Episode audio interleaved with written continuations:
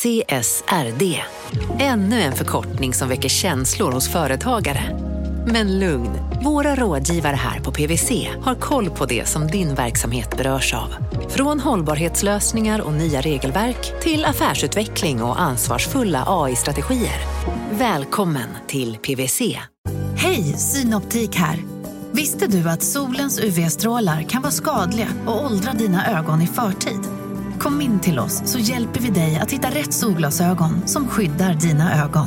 Välkommen till Synoptik. Ja? Hallå? Pizzeria Grandiosa? Ä Jag vill ha en Grandiosa capriciosa och en pepperoni. något mer? Mm, kaffefilter. Ja, Okej, okay. ses samma. Grandiosa, hela Sveriges hempizza. Den med mycket på.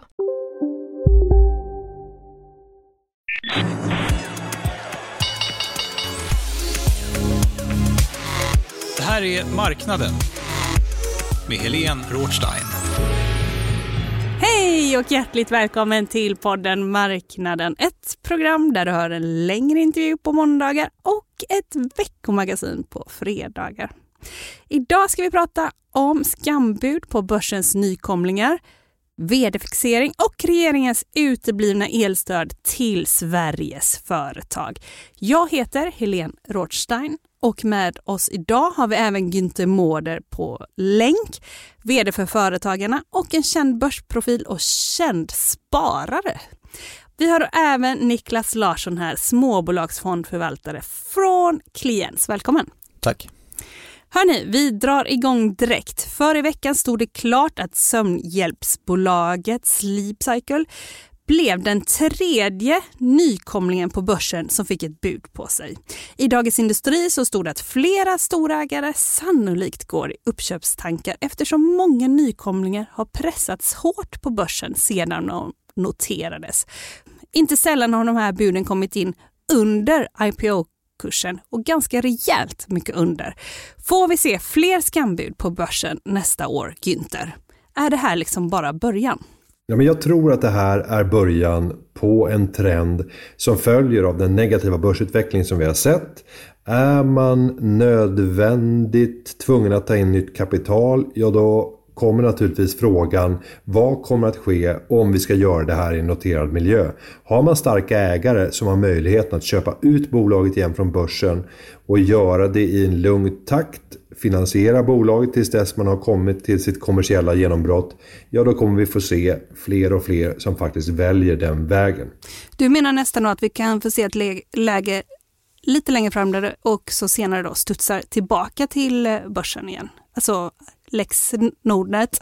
Ja, jag tror absolut att man kan tänka sig att flera av de företagen som köps ut nu kommer att kunna komma tillbaka när börsklimatet är gynnsamt. Det har historien visat, visat oss tidigare och jag är övertygad om att vi kommer att få se det igen. Vad tror du Niklas? Jag är beredd att hålla med. Eh, det var under lång tid där det var, sattes mängder med bolag på framförallt Stockholmsbörsen och det handlar lite om att publika marknaden betalade upp mer och var beredda att värdera bolag högre än den privata marknaden. Nu har vi nästan fått det omvända eh, och då är det inte omöjligt, eller då är det nästan logiskt att det sker. Jag kan också tycka att det finns något sympatiskt i det här, att du har en ägare som har följt det här bolaget under lång tid och ser att marknaden inte värderar det som man själv tycker att eh, vad någonting är värt. Och då säga att, men vet du vad, vi kan köpa tillbaka det här för det här priset. Eh, det är inget tvång. Eh, men eh, det här var vad vi tycker att det är värda. Men många av de här buden väcker ju ilska verkligen. Kan du förstå det Günther? Ja, jag kan förstå att det här väcker ilska hos enskilda aktieägare. Särskilt om det är ett bolag som har tagit sig till börsen bara då, det senaste året. För att sen köpas ut till väsentligt lägre värden. Men man får komma ihåg att eh, som aktieägare så får man rösta utifrån den andel man har. Man kan ju säga nej till budet.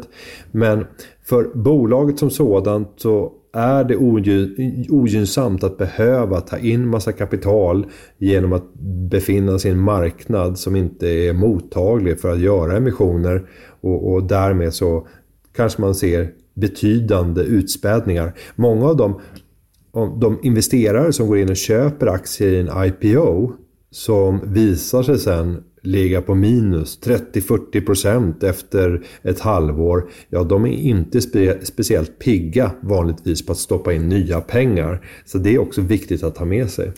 Men eh, Niklas då, om man säger affärs...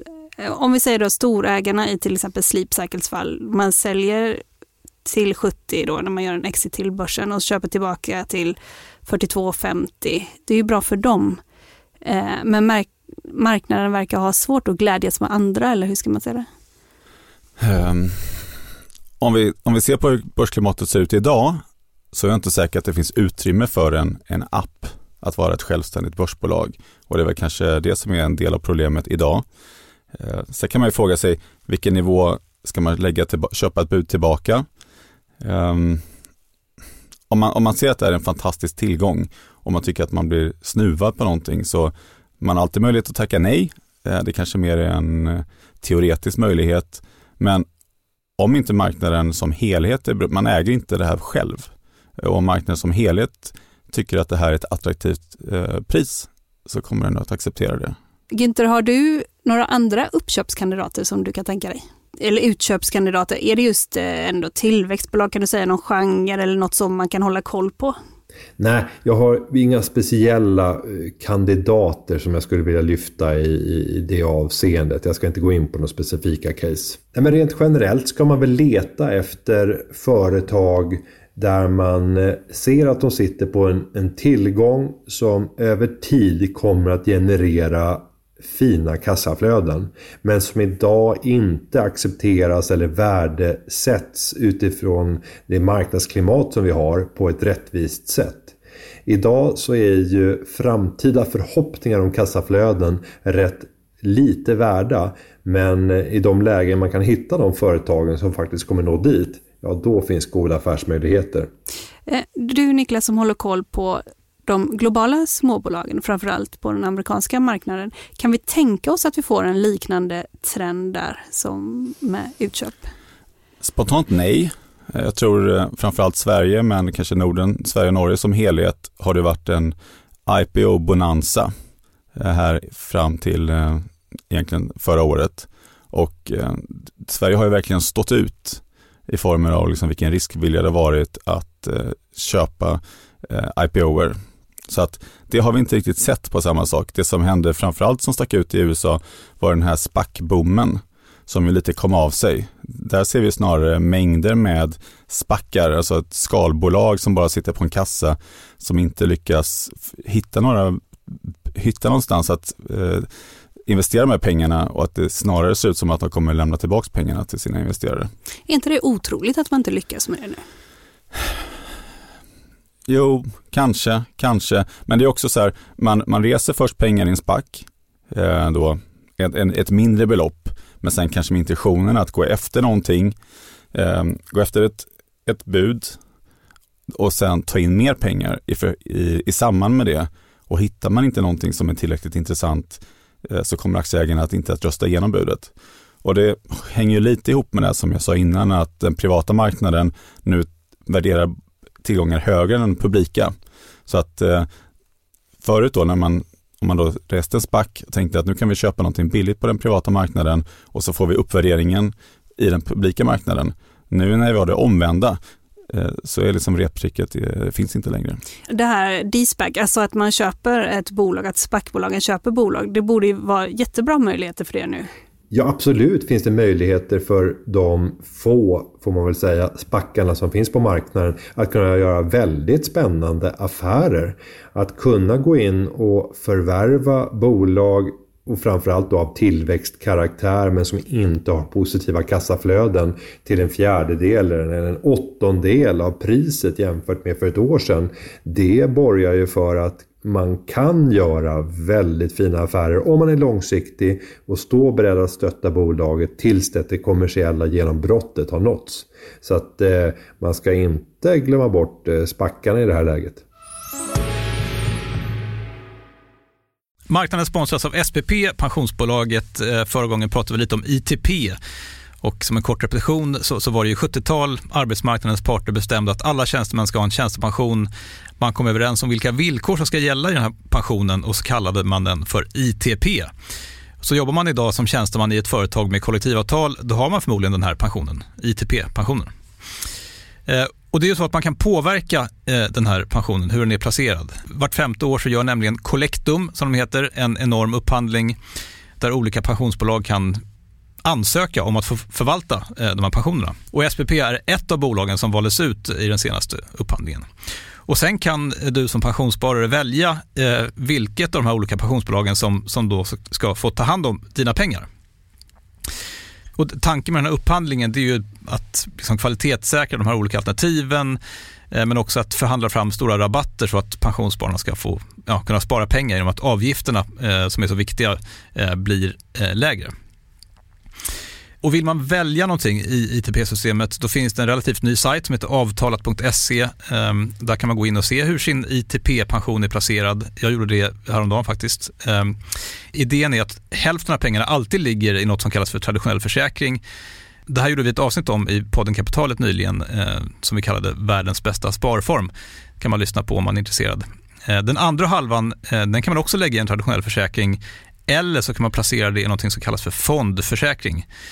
Eh, SPP som sagt eh, var ju ett av de fåtal bolagen som valdes ut i den senaste upphandlingen och de finns med som alternativ både med en traditionell försäkring och med eh, fonder.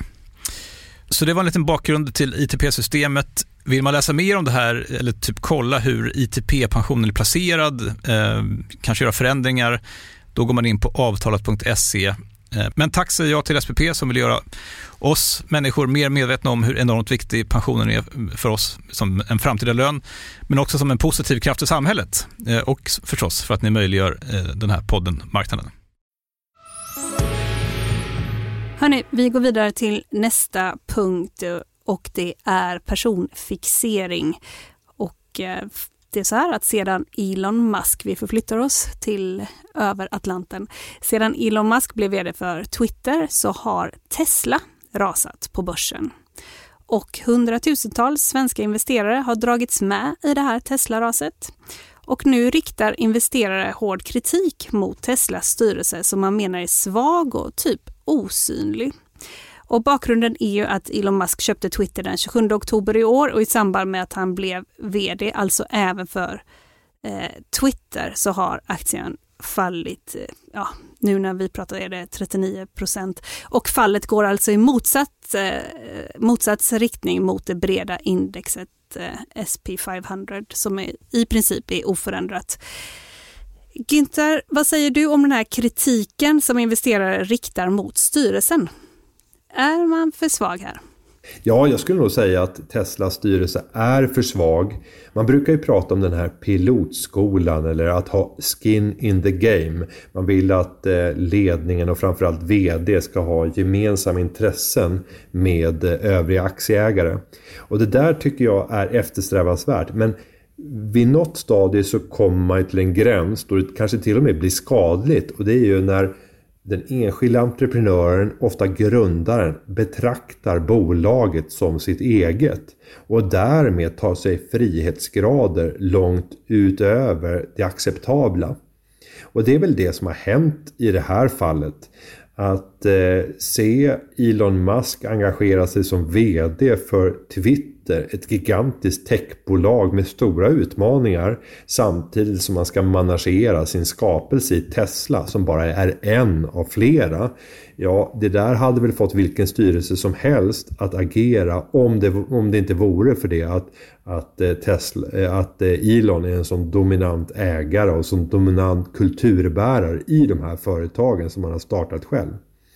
Men jag skulle nog säga absolut att det är en, en svag styrelse. Niklas, vad säger du om det? Att risken med liksom osynliga styrelser eller svaga styrelser där entreprenören är väldigt stark? Nej, jag kan bara hålla med dig Günther säger. Eh, sen är det också, du säger det som marknaden har rasat, det säger också någonting att ett bolag kan tappa 40 i värde för att eh, bolagets vd håller på med sin privatekonomiska deal och liksom lite störs för sidan om. Det ska ju inte kunna påverka bolaget så mycket. Så att det här handlar ju om någonting annat. Det är ju en kult kring mask som nu börjar eh, svalna kanske. Ja, men kan man säga någonting om det att personfixeringen vid vdn, alltså Tesla, de har ju också sålt mer bilar än tidigare och sådär. Blir personfixeringen, blir den för stark i många börsbolag? Elon Musk Ofta ju liksom... pratar man om det här att ett typ av ledarskap har krävts för att ta oss hit, men inte säkert att det är det som ska ta oss framåt. Eh, och det är ju klart att Tesla hade ju aldrig varit det de är idag utan Musk. Men nu håller han på lite att spåra ur eh, och kanske att det behövs ett annat ledarskap, vem vet. Mm. Günther, vad, vad, säger du om det, den här personfixeringen också vid vdn? Nej, men det är nog fullt naturligt att vi har en personfixering vid vd. VD är den yttersta kulturbäraren och kommer att färga verksamheten. Eh, för allting börjar i toppen. Som VD agerar, ja det rinner ner till hela ledningsgruppen och som ledningsgruppen agerar, det rinner vidare ner till avdelningschefer och så vidare i hela organisationen. Så att få in en VD som kan skapa rätt kultur i företaget är avgörande för att kunna nå framgång. Så det är naturligt att vi får en personfixering vid VD. En vd är också extremt viktig att sälja in aktien också till marknaden från början. Alltså att eh, många kanske också köper in sig. Om man säger som eh, om man skulle översätta det till politiken som en partiledare så köper man kanske också in sig i personer som företräder bolaget eller politiken. och så. Det ligger kanske också lite i sakens natur, eller vad säger du Günther? Ja men visst finns det likheter om man jämför med politiken och partiledare. Och det finns en gemensam nämnare och det är den här tilliten och förtroendet som ofta är valutan. Och så är det både i politiken och för en VD. Och det där förtroendet och tilliten det måste förvaltas väl. Och det hänger inte bara samman med vad man gör inom bolaget utan även omdömet utanför bolaget. Och det gör att händelser som är frånkopplat bolaget men som rör VDs agerande i sitt privata eller i andra sammanhang det kan spela över negativt på ett företag. Men det finns också någonting här att man ska se igenom bruset. Vi här, jag har gjort mig också skyldig till, vi pratar om eh, K-fastigheters vd Jakob Karlsson till exempel och hans eh, springtider och, och sen var det också högskolepoäng och så vidare. Och allt annat lika så var det faktiskt så att det var oklarheter kring tider och sen också prestation, hur snabbt han verkligen hade sprungit milen på. Och det fick ju aktien att backa liksom eh, 9 procent. Alltså vad säger det om marknaden och eh, vad man faktiskt diskuterar om man också ser till vad bolaget håller på med? Kan, kan du, är det någon som ska säga något om det? Vad säger du Niklas? Nej, men det finns ju lite, det finns ju en del så att säga, jag vet inte om det, är rätt liksom, slutsats, men eh, många av de här som håller på med och blankar aktier där ute, de hänvisar till den här kackerlacksmetoden att alltså vi, vi ser inte uppenbara problem här och nu, men vi ser att det börjar knaka lite i fogarna. Och när vi har sett det här tidigare, det kan vara tecken på mer fel. Och ja. ibland kan man ju då tycka att marknaden överreagerar på vissa sådana här petitesser. Ja. Eh, men ofta handlar det om det att men det kanske är, det finns andra stories och det är så här de har börjat. Och därför blir man väldigt rädd och vill, det här risk-reward härifrån är ganska dålig. Så att ja, så att, ja. Men personfixeringen, det, det, är bara som det är helt enkelt? Det är bara som det är. Ja. Eh, jag såklart eh, ställer mig högst frågande till att man ska bedriva flera verksamheter och allt sånt där.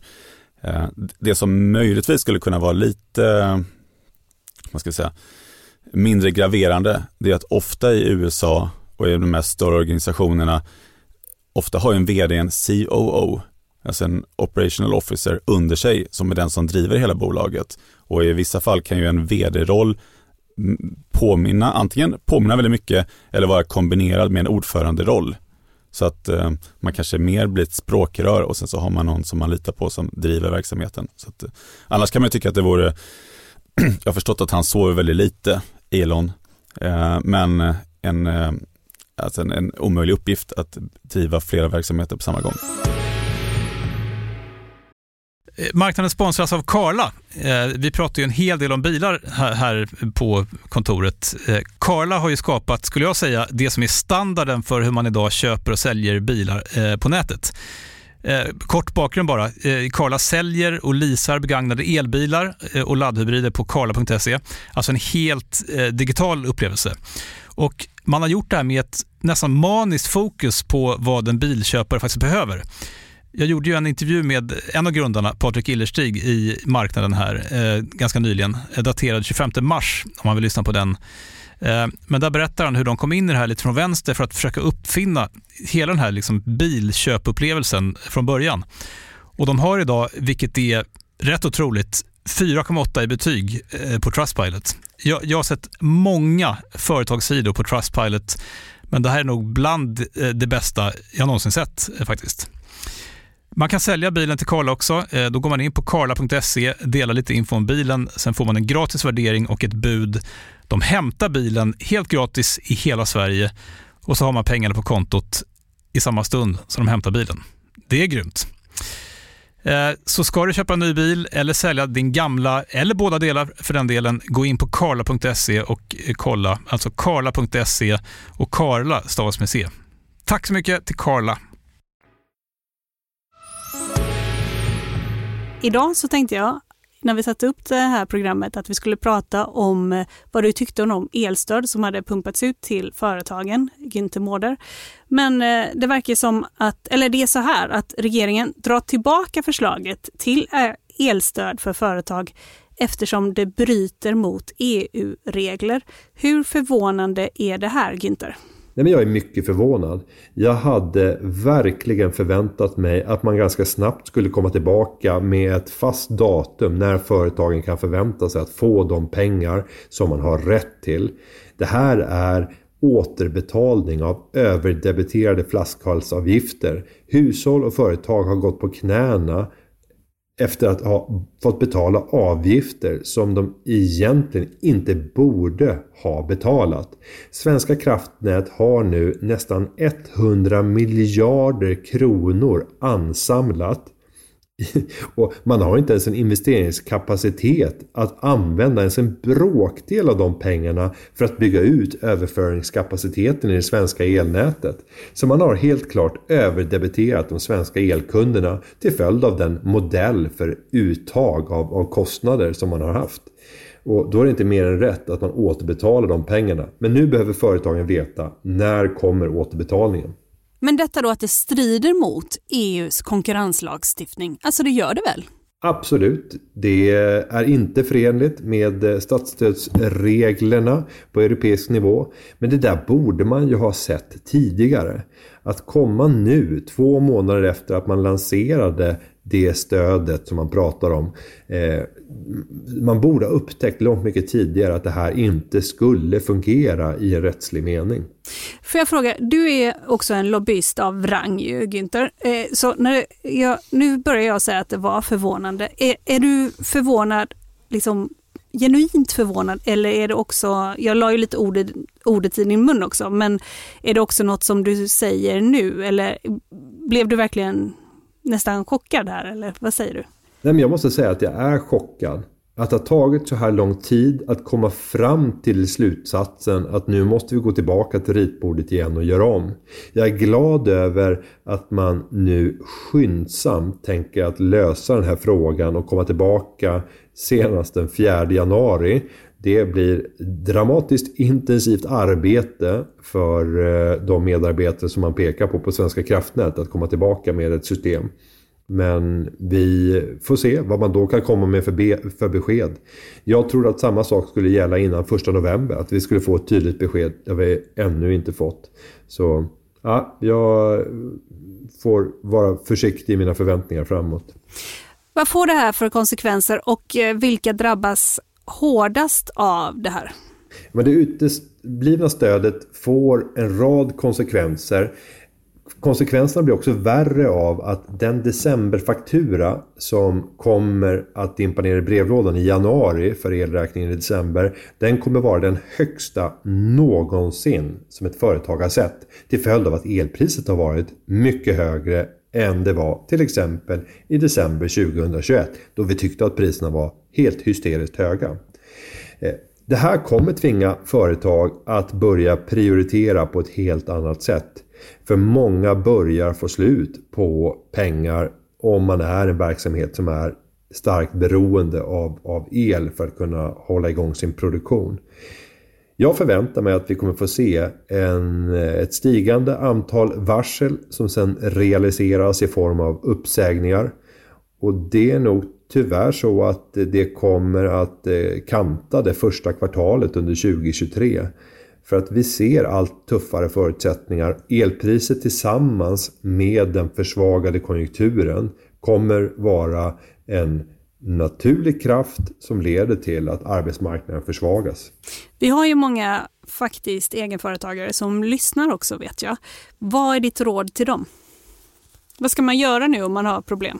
Ja, om man är företagare så ska man fundera över på vilket sätt kan jag skapa en eh, bärkraft fram till dess att jag får det, den återbetalning som jag är berättigad till. Ehm, och jag tror att nyckeln vilar i att titta tillbaka i leverantörsleden.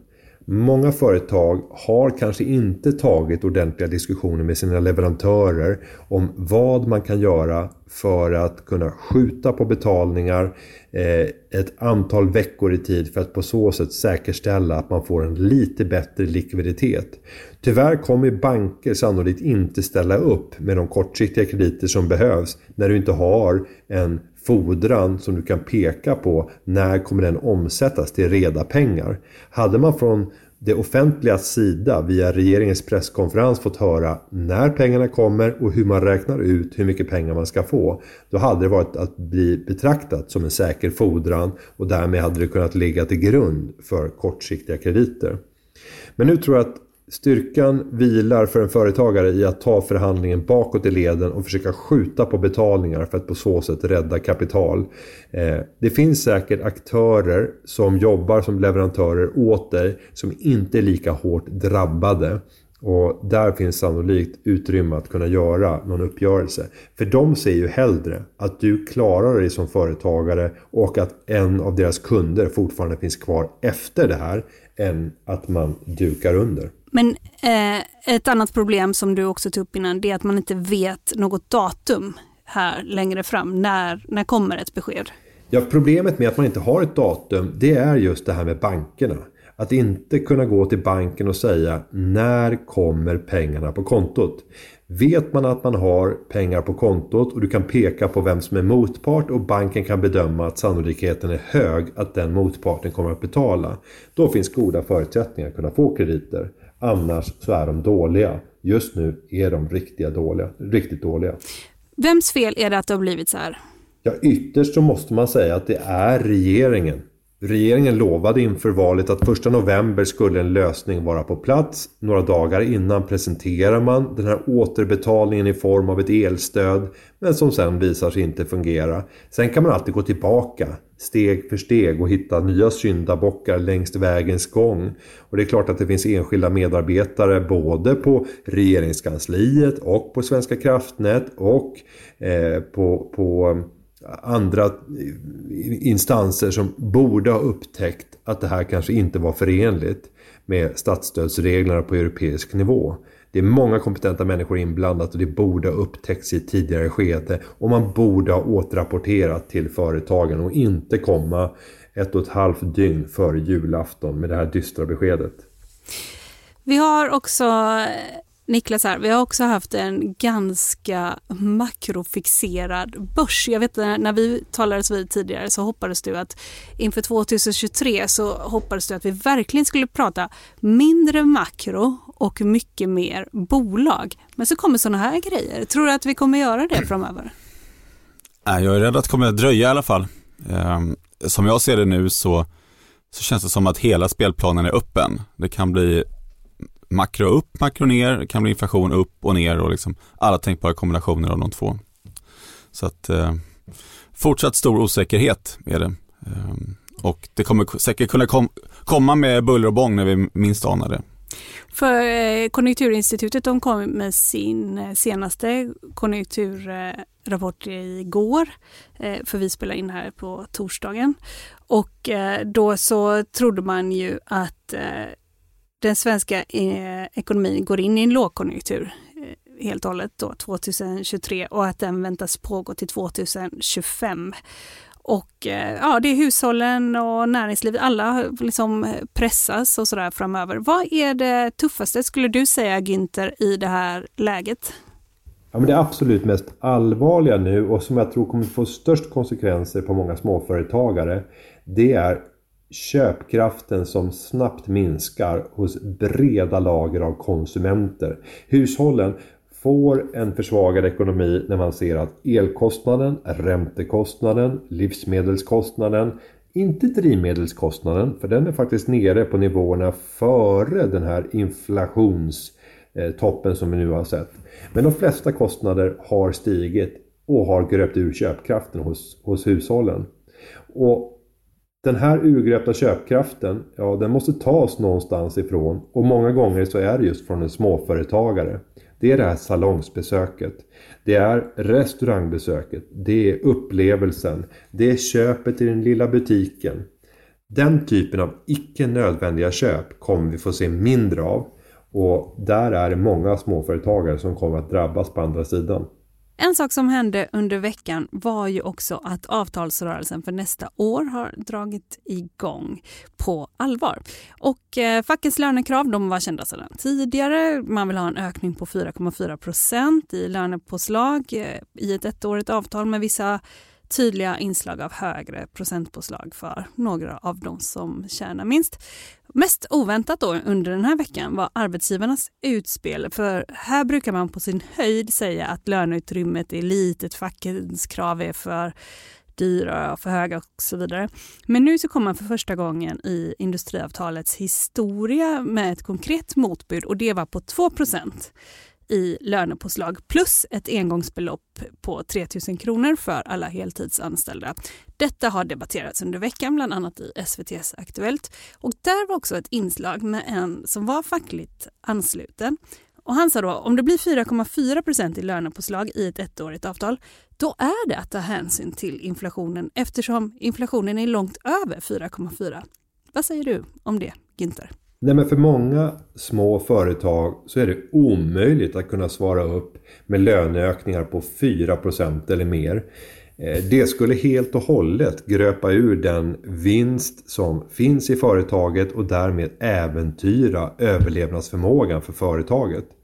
Så jag tror att det kommer att vänta en väldigt tuff vår när man ska försöka enas mellan fack och arbetsgivarorganisationer kring nivåerna. Vilka är börsvinnare i det här klimatet? Vad säger du Niklas? Problemet med inflationen det är att det inte finns någon vinnare riktigt. Eh, det äter ju både köpkraft och eh, realavkastning. Eh, så det, det, det är därför framförallt då centralbankscheferna är så angelägna om att få bort inflationen. Ehm, om man bara ska tänka, en, tänka stort, ofta säger man att, man att man inflaterar bort skulder. Så att alla bolag som har någon form av pricing power och de kan se sina tillgångar växa i takt med inflationen samtidigt som man då inflaterar bort skulderna, de är kanske vinnare. Men eh, är, här, det, är in, det är väldigt negativt för ett samhälle och ett land med ihållig hög inflation. Eh, att ha det sagt så är också väldigt stor sympati för alla de som jobbar ute i landet och ser sina löner urholkas och inte kunna konsumera kanske till det mest eh, eh nödvändiga. Så att eh, jag tror, ja, alla sitter i samma båt någonstans men det, man kanske har olika perspektiv också. Vilka skulle du säga är vinnare, Günther? Ja, men i den här miljön så är det såklart företag som kan trycka ut prisökningarna mot sina kunder utan att tappa efterfrågan som kommer att vara vinnare. Har man dessutom en hög skuldsättning där skulden inflateras bort och trots den höga skulden så levererar man ändå ett överskott för man kanske har en vad man kallar en pricing power, det vill säga möjligheten att till följd av låg konkurrens närmast sätta priset på sin produkt eller tjänst. Eh, och så får kunderna ta det eh, till det, det värde som man sätter. Ja, för den typen av bolag så finns naturligtvis väldigt goda förutsättningar att bli en vinnare. Eh, men de företagen är relativt få. Jag tror att vi får vänta en bra bit in i, i 2023 innan vi får muntrare ton, ton, tongångar på, på börsen. Okej, sista vi ska börja avrunda här. Günther, du är ju snålhetskungen kan man väl säga. Vad har du för eh, dina fyra bästa snålhetstips under jul och nyår när man också ska vara givmild. Vad är det? Ja, om jag ska dra några tips inför julen så ska jag väl börja med julklapparna. Nu har väl de flesta köpt julklappar men ett tips som jag har begagnat själv för att slippa det här slukhålet av ekonomisk karaktär som julklapparna brukar vara. Det är att eh, först konstatera att de flesta barn har glömt bort vad de fick i julklapp bara för ett år sedan. Och om du kommer till samma slutsats som jag har gjort i det här, ja men då är det närmast riskfritt att sälja fjolårets julklappar i år för att frigöra pengar till nya köp av klappar för det här året som sen ska ligga till grund för försäljning nästa år. Jag brukar alltid använda mig av sekundärmarknaden, det vill säga köpa begagnat. Och nu i år så har jag faktiskt lyckats sälja fjolårets julklappar till yngsta sonen till 100% avans. Jag köpte dem begagnat och fick ett riktigt bra pris och sen hade jag inte bråttom nu när jag sålde det under hösten och lyckades sälja det till dubbla priset. Det innebär att jag kommer kunna vara generösare än någonsin tidigare när det kommer till årets julklappsskörd. Ett annat tips det är ju att skjuta på julen likt en skilsmässofamilj. Varför ska man fira den 24 om du istället firar den 26 eller 27? Ja, då finns förutsättningarna att eh, faktiskt eh, kunna köpa julmat till både 70, 80 och 90 procents rabatt i förhållande till priserna innan jul. Och därmed kan man spara säkert 1000 eller kanske 2000 kronor bara på matkontot även om man inte är någon större samling människor som träffas över jul.